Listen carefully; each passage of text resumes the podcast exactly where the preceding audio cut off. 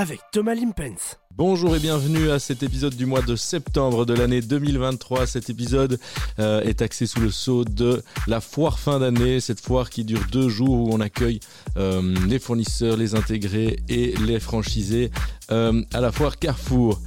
On aura la chance d'interviewer Josino en studio, Josino Cornaccia, directeur exploitation market pour représenter le COMEX. Et après, on, fait une variante un peu spéciale. On se rend en flying reporter directement à la foire pour aller voir ce qui s'y passe. En direct du studio avec Josino Cornaccia. Josino, bonjour. Bonjour. Alors, Josino est directeur des exploitations market. Josino, tu peux nous parler un peu de ton parcours chez Carrefour? Oui, bien sûr. J'ai 58 ans. Je suis marié, j'ai deux enfants, j'habite la région de Tournai. J'ai toujours travaillé dans la grande distribution depuis la fin de mes études. Je suis rentré chez Carrefour en 2010. Euh, et auparavant, j'ai travaillé plus de 25 ans pour Spar et pour Colreuil, toujours dans, donc dans les petits pois et carottes. Magnifique, mais euh, content de te voir toujours ici. Euh, Josino, on est là pour parler de la foire fin d'année. Alors pourquoi est-ce que Carrefour organise une foire fin d'année? D'abord, je dois te dire que Allez, ayant connu, comme tu as entendu, d'autres parcours, euh, la foire Carrefour, c'est la plus belle du marché. Tout le monde le dit, aussi bien les fournisseurs que les franchisés, et bien sûr que nous. Alors pourquoi on organise une foire? La première chose, c'est un besoin tout à fait primaire, c'est pour vendre nos produits. Vendre nos produits, vendre nos services, vendre nos nouveautés à nos magasins intégrés et à nos partenaires franchisés. C'est d'abord notre métier de commerçant, et c'est la première base, faire du chiffre, quoi. Et si tout va bien, ben, cette fois-ci, on va, pour donner comme un, chiffre, on va approcher pas loin des 10 millions d'euros sur les deux jours réalisés, ce qui est quand même pas mal. Alors bien sûr qu'on a d'autres objectifs que uniquement vendre. On veut inspirer, on veut faire découvrir les produits nouveaux, les produits importants, les produits de fête de fin d'année. Cette foire, comme ça en septembre, elle a, euh, allez, je vais dire, elle a une vue, une seule réussite, c'est réussir les fêtes de fin d'année. Et donc, bien sûr, on met en avant les produits de fin d'année, les nouveautés. Et cette fois, elle permet aussi à tous les, participants, aussi bien intégrés, franchisés, de, préparer euh, leurs commandes pour les fêtes de fin d'année et déjà d'organiser leur magasin en fonction de, leur, euh, leurs commandes. Troisième objectif, c'est un peu plus émotionnel, mais c'est peut-être le plus recherché, c'est qu'on se retrouve, qu'on partage, qu'on se revoie, qu'on parle, qu'on discute avec les collègues, avec aussi bien du siège que les franchisés ensemble, y compris les intégrés, les intégrés ensemble. C'est que chacun participe euh, et dit un peu ce qui, comment il a vécu son année, c'est quoi ses réussites, c'est quoi ses réalisations, c'est quoi ses nouvelles idées. Euh, et ça permet de, de partager et d'avoir un chouette moment. Allez, moi me concernant, je parle beaucoup euh, pendant ces deux jours avec beaucoup de franchisés. Il y a beaucoup de franchisés qui viennent nous voir, nous on va dire, les commerciaux. Euh, et donc, c'est, c'est un moment également riche de partage. Et ça, c'est pour tous les formats, aussi bien hypermarché que supermarché et que express. Et c'est aussi bien pour le mode d'exploitation intégré que le mode d'exploitation franchisé. Euh, par exemple, le premier jour, concernant Express, on a remis, par l'intermédiaire de trois fournisseurs, des proxy awards. En fait, on a par euh, l'intermédiaire de, Express, on a remercié trois fournisseurs de nous avoir amené soit une nouveauté de l'année, soit un service de l'année. Et on a organisé aussi un, forum fournisseur où euh, autour de nous, on avait euh, le COMEX, Nathalie en tête, les 200 plus gros fournisseurs à qui on a expliqué comment on voit les fêtes de fin d'année et surtout notre stratégie aussi. Déjà commencer à parler de la stratégie 2024 en deuxième jour, pour toujours mettre euh, du concret dans mes mots, euh, on a organisé la réunion managériale, le top, l'ancien top 200, qu'on appelle aujourd'hui bien mieux réunion managériale. Ça, c'est pour motiver les troupes de fin d'année. Chacun d'entre nous a parlé. Et avec trois seuls objectifs, c'est comment on fait pour réussir le quatrième trimestre, Scalmania et les fêtes de fin d'année. On a aussi reçu pour la première fois, je pense que c'est la première fois, la visite de M. Alexandre Bompard, qui est venu lui-même en tant que CEO, avec euh, son collègue Laurent Vallée, qui est notre patron, le chef de Geoffroy, donc le patron de l'Europe, qui nous ont rendu visite. Ils ont bien sûr visité la foire, ils ont participé à la managériale, ils ont euh, rencontré cinq gros fournisseurs, ils ont dîné avec le Cinex, et puis moi, j'avais, avec Pascal, organisé une table ronde avec cinq franchisés, trois markets et deux express, pour que le franchisé puisse aussi s'exprimer et dire ce que pour lui ce qui va bien, euh, le chemin qu'on a fait ces dernières années, et puis comment il voit en tant que franchisé notre ambition d'être le meilleur franchiseur de Belgique. Voilà. Ok, bah, c'est très clair. Euh, tu l'as déjà dit, tu nous as dit que la foire fin d'année Carrefour était la, la plus belle euh, sur le marché pour les fournisseurs, pour les franchisés. Mais euh, qui, qui, réellement est présent lors de ces, lors de ces rendez-vous? Bah, Tu as en gros, le, allez, en moyenne, entre les deux jours, tu as en moyenne près de 4000 personnes qui circulent sur les deux jours. Entre les fournisseurs, les représentants des fournisseurs, les équipes de vente euh, des trois euh, ou quatre mêmes euh, formats. Tu as le service center qui était fortement présent, ça a été fortement apprécié. J'y reviens après. Et puis bien sûr, après, tu as les magasins, tu as les managers dans le monde intégré, les directeurs, et puis tu as les franchisés qui viennent. Et de plus en plus, les franchisés viennent les deux jours. Et de plus en plus, ils amènent leur bras droit, voire leur chef en PGC, ou leur manager, ou leur chef en PFT. Voilà, donc tu avais aussi, par rapport au siège, tu avais, euh, l'IT qui était représenté, tu avais le marketing avec son stand Scalmania, tu avais le stand Customer Excellence, tu avais le e-commerce, tu avais le stand fruits légumes, le stand boulangerie, euh, tu avais le stand euh, produits de fin d'année, le stand concept market. Euh, donc je ne vais pas tous les citer parce que je ne vais pas faire de jaloux, mais sincèrement, de tous les retours que j'ai eus, euh, c'est la première fois que vraiment, dans le fond de la foire, l'animation était là. D'habitude, l'animation est dans les stands de vin, de bière, d'apéritifs, mais là, elle était dans les stands Carrefour, dans le fond, où tous les stands Carrefour étaient là. C'est des stands pour qui rendent service à nos franchisés et à nos magasins intégrés. C'était super bien organisé, il y avait beaucoup d'animation, et je pense que tout le monde y est passé. Et ça, c'est la première fois que Carrefour se met en, avec son service center au service des magasins et, matériellement dit ben, moi, je suis, je suis là pour te faire réussir.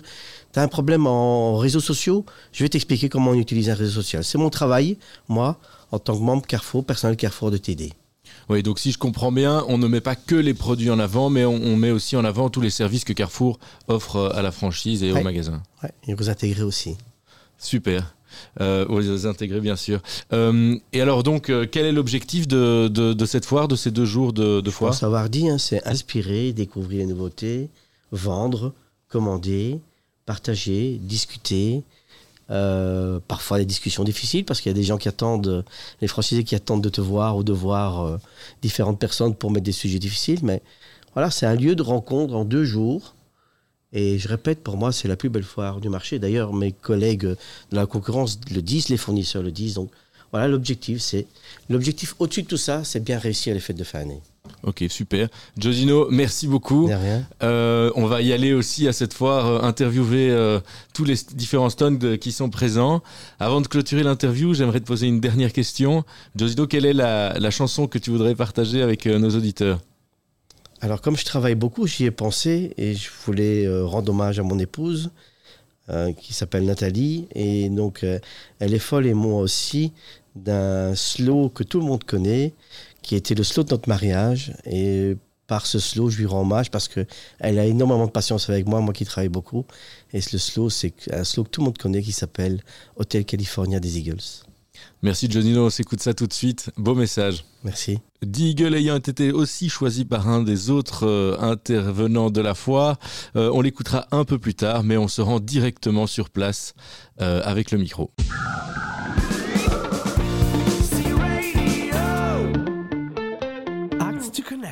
Alors la foire fin d'année, c'est aussi autre chose que des produits, c'est aussi du service, c'est de l'IT et de l'e-commerce. Donc je suis ici au stand e-commerce avec Yann Polir. Bonjour Yann. Bonjour. Euh, donc Yann, euh, qu'est-ce que, qu'est-ce que vous faites ici euh, à la foire fin d'année?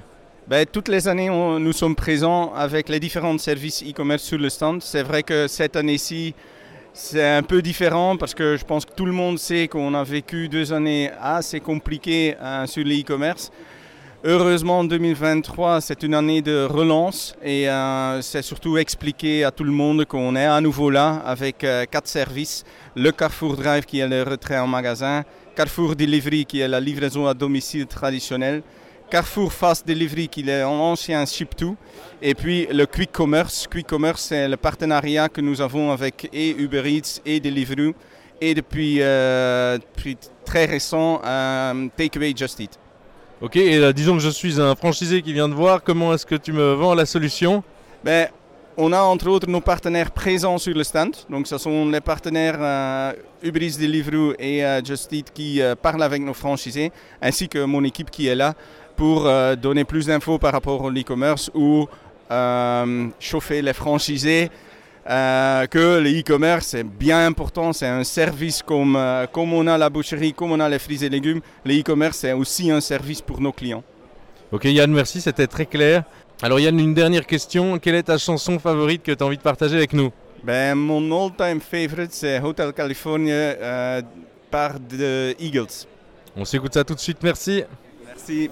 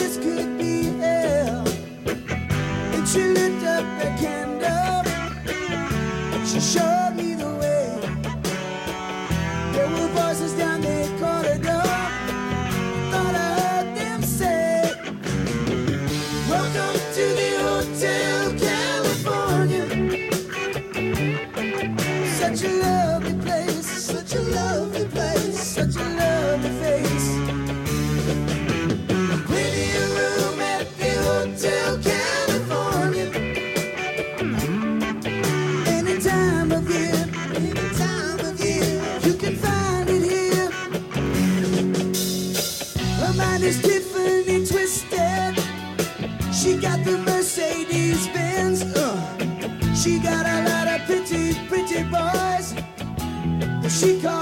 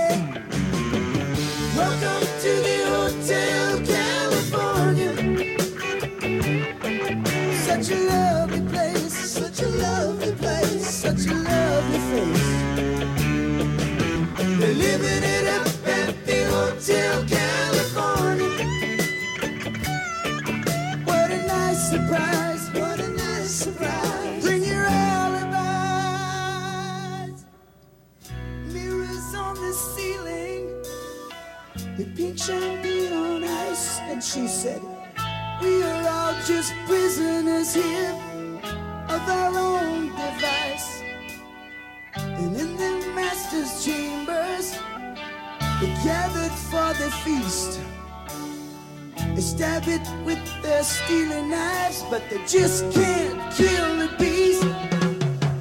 Last thing I remember, I was running for the door. Have to find the passage back to the place I was before. Relax, said the nightman. We are programmed to receive. You can check out any time you you can never leave.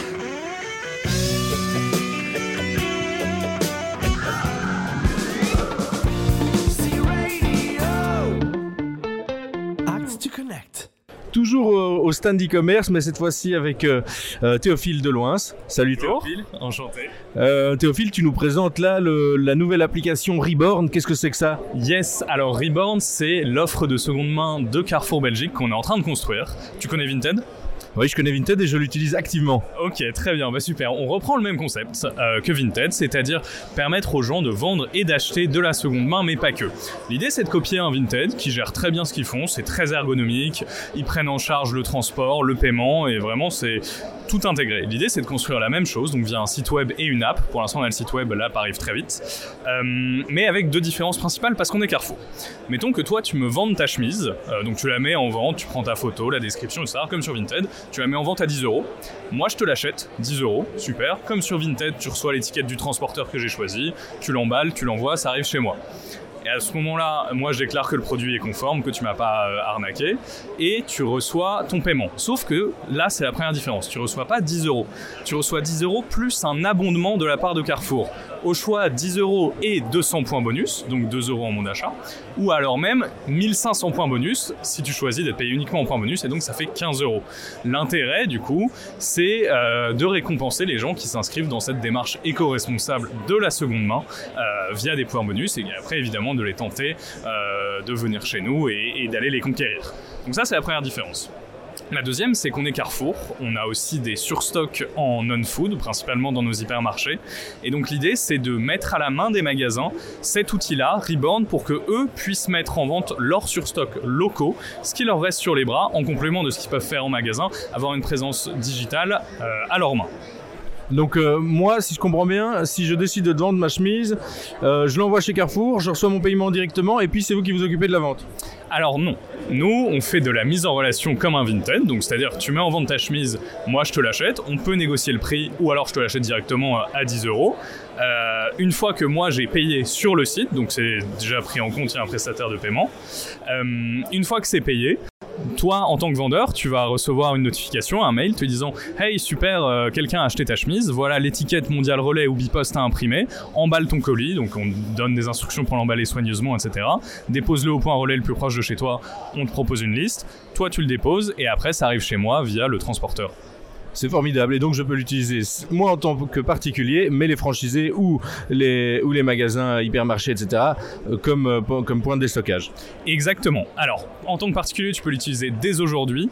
Pour les magasins, on est en train de, on est encore en phase de test. On vous communiquera plus en détail euh, une fois qu'on sera prêt, parce qu'on veut proposer quelque chose qui soit de bonne qualité. Donc, d'abord, on teste. Mais tout à fait, tu peux te rendre sur reborn.be, r e e b o r n.be, et déjà acheter et vendre tes premiers produits. Alors euh, merci beaucoup Théophile, c'était l'interview de Reborn. Une dernière question Théophile, Euh, est-ce que tu nous donnerais une de tes chansons préférées s'il te plaît? Yes, euh, je vais recommander 1901 du groupe Phoenix. Eh bien merci, merci beaucoup, on va s'écouter ça tout de suite. Au revoir Théophile. Au revoir.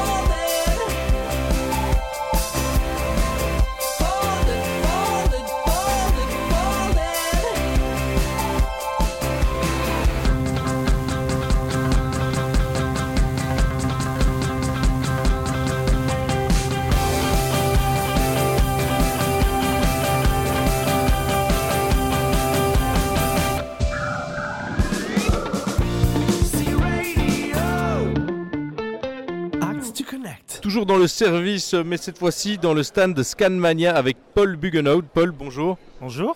Alors Paul, euh, le Scanmania, euh, moi ça me dit rien, qu'est-ce que c'est? Ah, alors Scanmania, finalement, c'est la, la renaissance du mois Carrefour chez Carrefour. Ça fait depuis 2013 qu'on n'en a pas organisé. Donc vraiment, c'est l'idée, c'est pendant un mois, on a les meilleures promotions avec les meilleures mécaniques. euh, avec, on a fait vraiment des, des folders spécifiques qui sont dédiés. Et en plus de ça, on a rajouté une chouette couche pour les clients. Donc on va faire vraiment gagner des prix scandaleux euh, aux clients euh, durant un mois. Ok, et alors le- les mois Carrefour, c'est lesquels? Tu peux nous les rappeler? Octobre Ok, top. Euh, et donc, est-ce que est-ce que tu as un prix en tête qui, qui te donne envie dans le Scanmania Moi personnellement oui, les 5 fois un an de course gratuite, donc 10 000 euros. Je pense que le client qui gagne ça, il est, il est très heureux, effectivement. ben, On croise les doigts pour que, pour que l'un d'entre nous le remporte, hein, Paul. Euh, eh, Paul, dernière question. Est-ce que tu as une chanson à nous partager pour les auditeurs Yes, pour bien commencer de bon matin, moi j'adore le Highway to Hell de ACDC. Ça c'est formidable, ça va donner du baume au cœur à tout le monde. Merci Paul. Merci, bonne journée.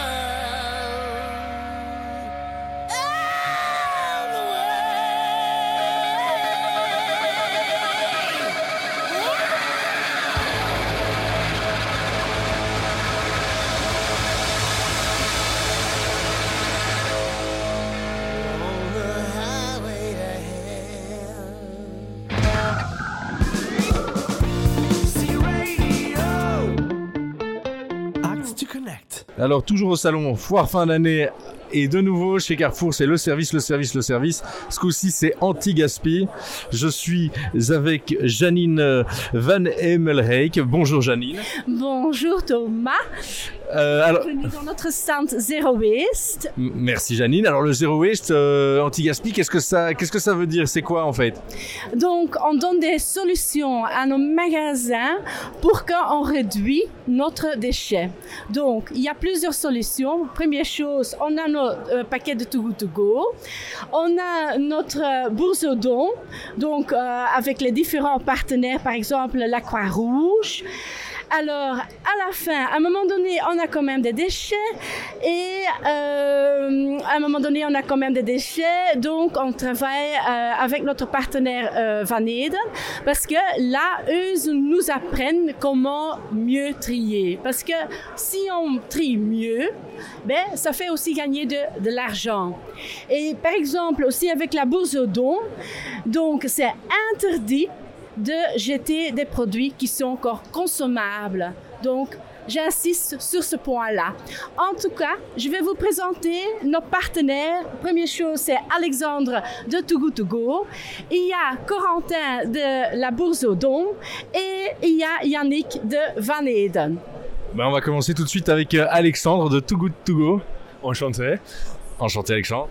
Donc, euh, Too Good To Go, c'est la solution le, plus facile et efficace pour euh, lutter contre le gaspillage alimentaire dans la forme de vente rapide en ligne. Euh, les magasins peuvent sauver leur nourriture pour diminuer le déchet et encore commercialiser les invendus dans un mode panier surprise que notre, nos utilisateurs, 2,5 millions belges pour le moment, peuvent récupérer dans les magasins.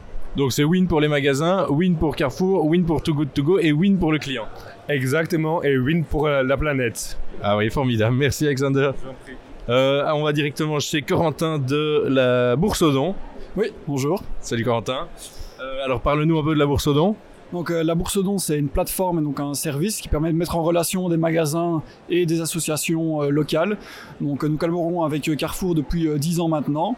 Donc euh, comme l'a très bien expliqué Janine juste avant, c'est très important maintenant de pouvoir euh, faire très attention à ce qu'on fait des produits une fois qu'ils sont encore consommables mais qu'on ne peut plus euh, les vendre. Donc étant donné qu'il est interdit de les jeter, nous assurons de mettre en relation les magasins avec des associations locales et nous assurons également de vérifier que les dons se font dans le respect des règles en vigueur, donc d'un point de vue sanitaire, avec toutes les règles AFSCA qu'il faut évidemment respecter, mais aussi d'un point de vue légal, pour être certain que la TVA sur les produits qu'on donne puisse être récupérée.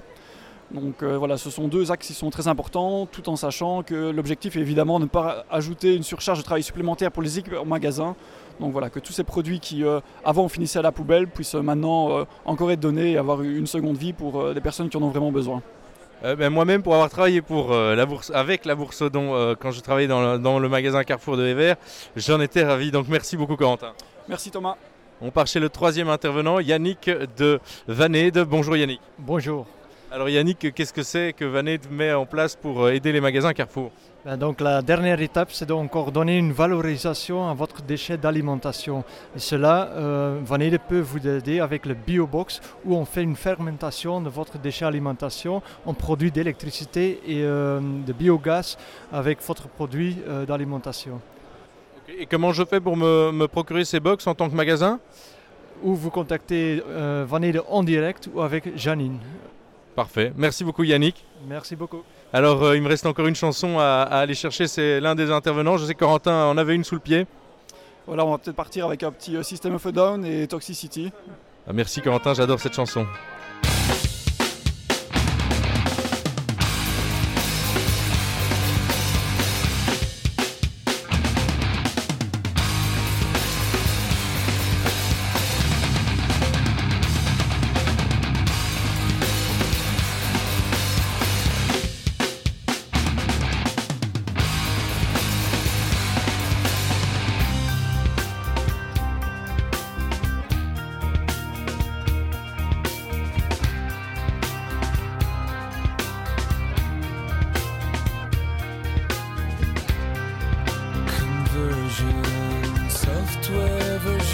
7.0. Looking at life through the eyes of a tire hub. Eating seeds is a pastime activity. The toxicity of our city, of our city.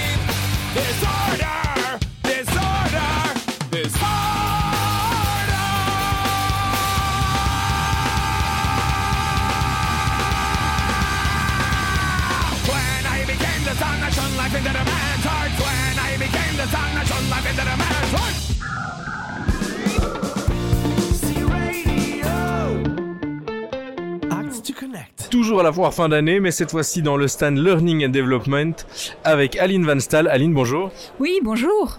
Alors Aline, euh, on est là, tu gères des projets RH pour l'équipe Talent. Euh, alors tu, tu es présente aujourd'hui pour nous parler du programme développement Carrefour Academy. De quoi s'agit-il? Alors en fait, il s'agit d'un programme de développement dans lequel les participants vont développer leurs compétences et améliorer leurs connaissances de Carrefour et du retail.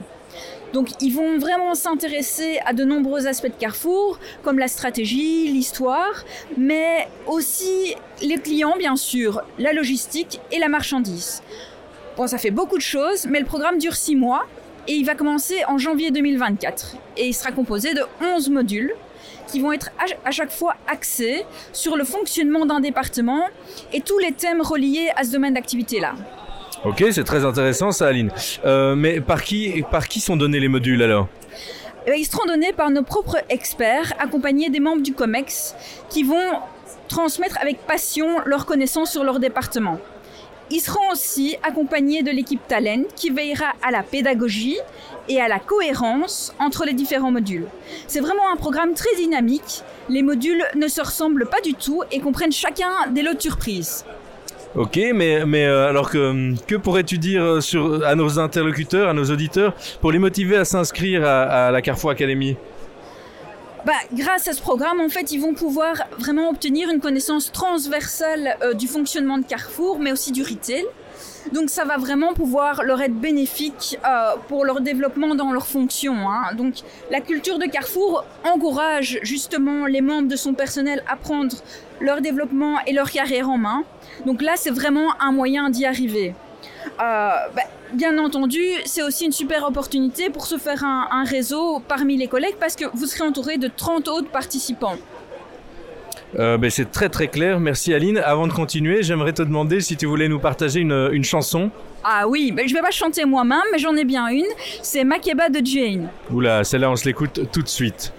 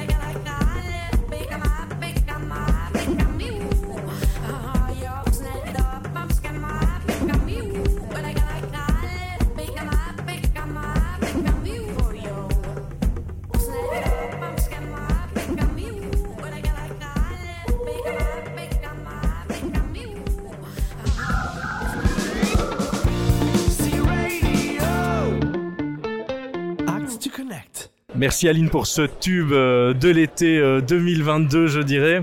Euh, donc c'était euh, très clair le, développement sur euh, les questions sur la, euh, Carrefour Academy. Euh, mais qu'en est-il donc des critères requis pour être admis dans ce programme? Alors, les candidats peuvent aussi bien travailler en magasin ou au service center, mais doivent avoir un contrat à durée indéterminée. Et ils ne doivent pas dépasser la catégorie 6N1. Donc on souhaite donner vraiment à chacun les mêmes chances de développer euh, son employabilité et sa carrière. Donc voilà, c'est vraiment aux personnes intéressées à faire la démarche pour s'inscrire. Donc elles ne devront pas passer par leur directeur de magasin, leur manager client ou leur manager. Ok, mais alors justement, comment, comment peut-on poser sa candidature et quelles sont les étapes du processus de sélection pour les participants? Bah, la période de recrutement, bah, elle débutera le 14 septembre et se terminera le 16 octobre. Pour poser sa candidature, ils devront euh, le faire via le lien qui euh, se trouve sur Workplace. Donc c'est un lien vers le formulaire d'inscription. Où le trouver précisément Alors à vos stylos. Donc dans l'onglet My Carrefour. Donc et après B, BE Training intégré plus Service Center. Ensuite Talent Development, programme et enfin Carrefour Academy. Donc le processus d'inscription, il se déroule en deux étapes. D'abord, il s'agit de remplir un questionnaire de motivation et éventuellement d'envoyer une vidéo de motivation. S'ils sont sélectionnés, ils passeront naturellement à la deuxième, deuxième étape, qui est une interview avec euh, un HRBP. En décembre, ils recevront alors une réponse finale, positive ou négative, de la part soit de l'équipe Talent, soit de leur HRBP. Ok, ok, très clair. Est-ce que tu as encore euh, quelque chose à rajouter sur, euh, sur la Carrefour Academy? Ah oui, juste une petite chose, bah, n'hésitez pas, prenez votre développement en main et inscrivez-vous. On a vraiment hâte, vraiment, de vous accueillir à la Carrefour Academy en janvier prochain. Un tout grand merci pour ces explications, Aline.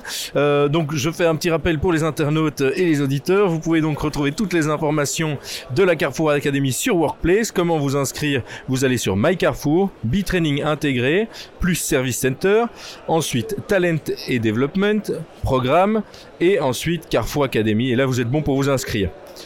Alors, si vous avez des questions supplémentaires, n'hésitez évidemment pas à contacter euh, le service RH, donc Aline Van Staal et Christine Verreken, qui sont toutes les deux du Service Center Learning and Development. Merci Aline. Merci à toi.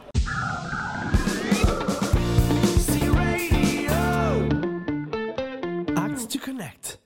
En direct du salon euh, Foire fin d'année Carrefour, cette fois-ci au rayon frais, plus précisément en boulangerie avec Gabriel Chauvet. Gabriel, bonjour. Bonjour. Euh, Gabriel, alors quelles sont les nouveautés boulangerie prévues pour cette fin d'année 2023 Alors, euh, une première innovation que qu'on présente aujourd'hui au salon, c'est euh, au niveau des boîtes de- pour la campagne des galettes des rois. On a fait un gros switch, donc on a changé du blister qui était en plastique vers une boîte en carton. Donc ça représente quand même une économie de 10 tonnes de plastique euh, sur toute la campagne. Euh, donc pour l'ensemble de notre assortiment des galettes des rois qui seront disponibles à partir de début décembre. Ça c'est euh, pour la pâtisserie, grosse nouveauté. Ensuite, on présente aussi toutes nos nouveautés festives fin d'année, avec notamment la bûche Nougatine 6 personnes qui sera vendue à 8,99, donc qui est vraiment un prix assez attractif pour une bûche de qualité. Et enfin, on présente aussi dans un, stand, dans un stand plutôt concept toutes nos innovations et nos nouveautés produits. Donc on va retravailler euh, notre euh, gamme et notre image de marque Atelier Louis, qui est notre partie premium de la pâtisserie, avec des emballages différenciants et une nouvelle image de marque. Et euh, on a aussi des nouveautés à vous présenter, alors des cheesecakes, framboises, mon passion, toute une gamme de tartelettes campagnardes, et enfin les dernières innovations en termes de packaging. Donc cette fameuse boîte en carton qu'on utilise pour les galettes sera aussi à partir de l'année prochaine utilisée pour la pâtisserie standard en cœur de marché. Ah, donc ça, ça a une bonne tonne de plastique en moins pour la planète. Ah oui, euh, plusieurs tonnes même, je pense, à partir de l'année prochaine. Nickel. Et si tu devais choisir un gâteau pour cette fin d'année, tu prendrais La bûche nougatine. La bûche Nougatine à 8,99. Top du top. Voilà, produit Super. Éclair. Nickel, ben, merci beaucoup euh, Gabriel et à la prochaine. Euh, je vais quand même te demander une dernière question. Euh, Est-ce que tu as une chanson à nous partager? Alors, euh, moi, je suis une énorme fan des Beatles, donc je vais vous proposer d'écouter donc une chanson du White Album des Beatles qui s'appelle While My Guitar Gently Whips. Merci beaucoup, on s'écoute tout ça tout de suite. Les Beatles, c'est top.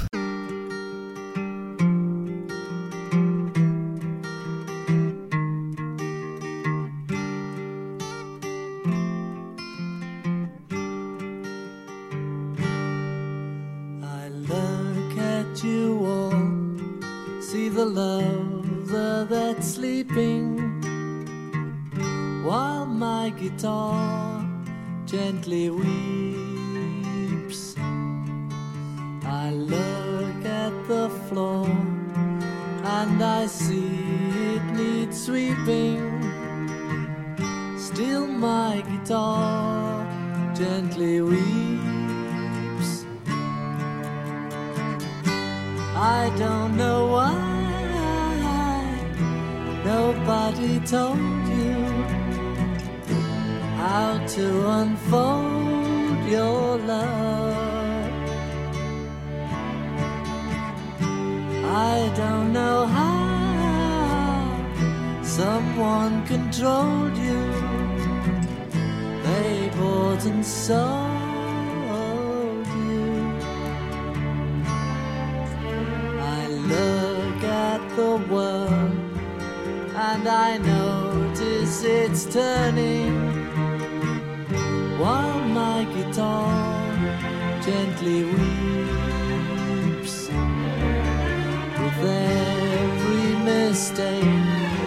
We must surely be learning. Still, my guitar gently weeps. I don't know how you were diverted, you were perverted too. I don't know how you were inverted. No wanna let you. I love from the wings at the play you are staging while my guitar gently weeps sitting here doing nothing but aging. Still, my guitar gently weeps.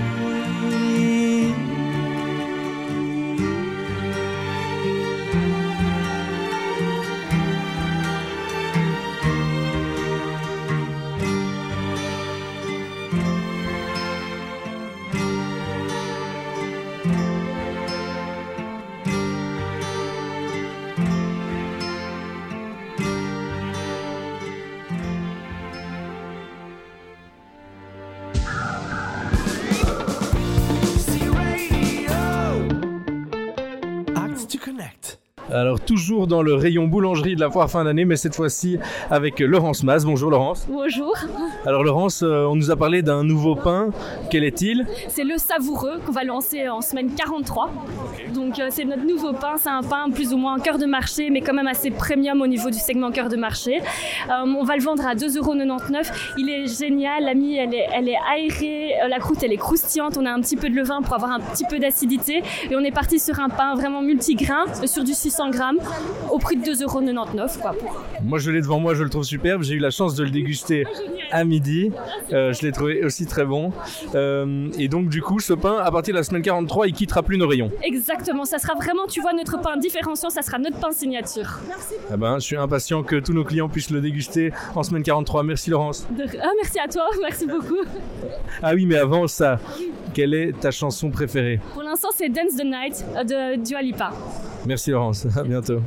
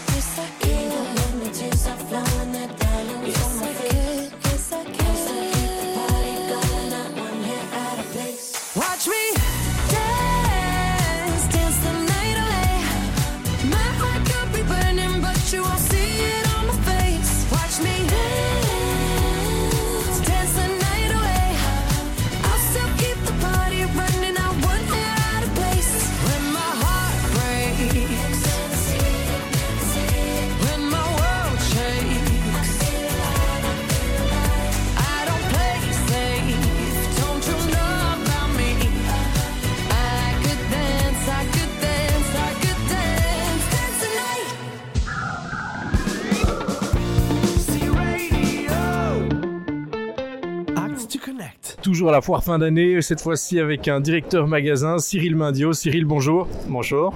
Alors Cyril, tu sors d'une réunion top 200. Que s'est-il passé? Euh, Comment Qu'est-ce qui a été partagé durant cette réunion? Eh bien alors pour commencer, euh, Monsieur Gersdorf a fait euh, une rétrospective de ce qui s'est fait au premier semestre. Euh, plutôt pas mal sur euh, les avancées du nouveau COMEX, euh, sur les avancées aussi de chacune des équipes. Chaque, toute personne a pu communiquer allez, une fierté au sein de son équipe. Ensuite, on est passé sur la venue de Monsieur Bompard, avec pas mal aussi d'échanges assez intéressants sur divers topics, mais pas mal aussi sur la question de la Belgique. Assez euh, intéressant et surtout challengeant. Donc euh, sur ce point-là, euh, c'était euh, plutôt pas mal pour se donner une perspective et surtout avoir le ressenti du challenge qui nous attend pour l'année 2023 et 2024. Euh, cette année-là a été euh, bien appuyée par Monsieur Montpart. L'année 2024 donc. Voilà, exactement. Donc il y a, il y a l'année 2023 à bien terminer, à bien réussir. Euh, notamment avec, euh, on va dire, euh, bah, notre foire au vin qui est juste en ce moment. On a aussi toute la campagne Scanmania et plein d'autres événements commerciaux qui ont été partagés par, par Nathalie. Et puis évidemment les fêtes de fin d'année. On sait que chez- dans notre secteur, c'est primordial. Il y a encore un gros chiffre d'affaires à aller chercher. Puis bah, 2024 se prépare pour surtout renouer avec la rentabilité des magasins. C'est quand même notre grand challenge à l'heure actuelle chez Carrefour. Euh, donc l'attractivité commerciale et renouer avec... euh, Merci beaucoup Cyril, c'était très clair, des beaux challenges pour cette fin d'année et pour l'année 2024 alors? Alors Cyril, une question un peu, un peu en dehors du boulot, mais quelle est la chanson que tu veux nous faire partager euh, lors de cet épisode? Alors, je pense que c'est en lien avec tout ce que je viens de, de dire. Euh, je vais partager euh, la chanson Learning to Fly de Shepard qui est super entraînante euh, pour commencer une journée de boulot, c'est parfait. Merci, on s'écoute ça tout de suite Cyril, à plus. We used to be able to dance on the table with nothing but stars in our eyes. Where we'd make believe, and with all of our dreams, we would color outside of the lines. Don't you ever wonder when it happens, how did fun turn into fear? Now I'm standing on the edge of now or never, and the skies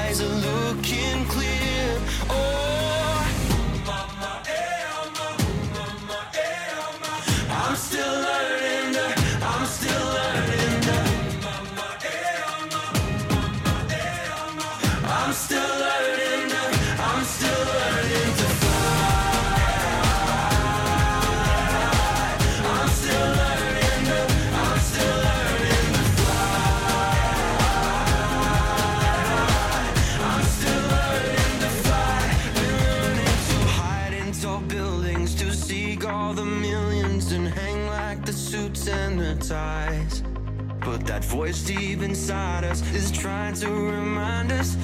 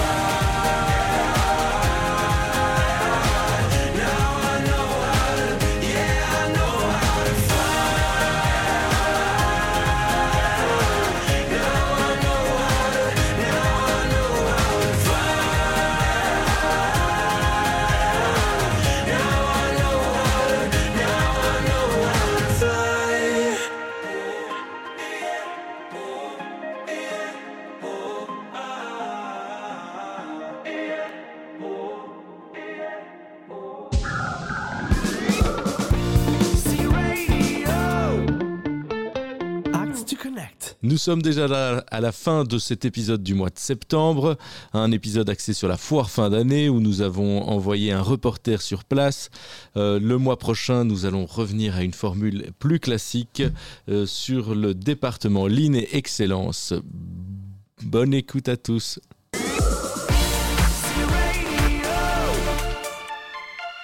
Avec Thomas Limpens.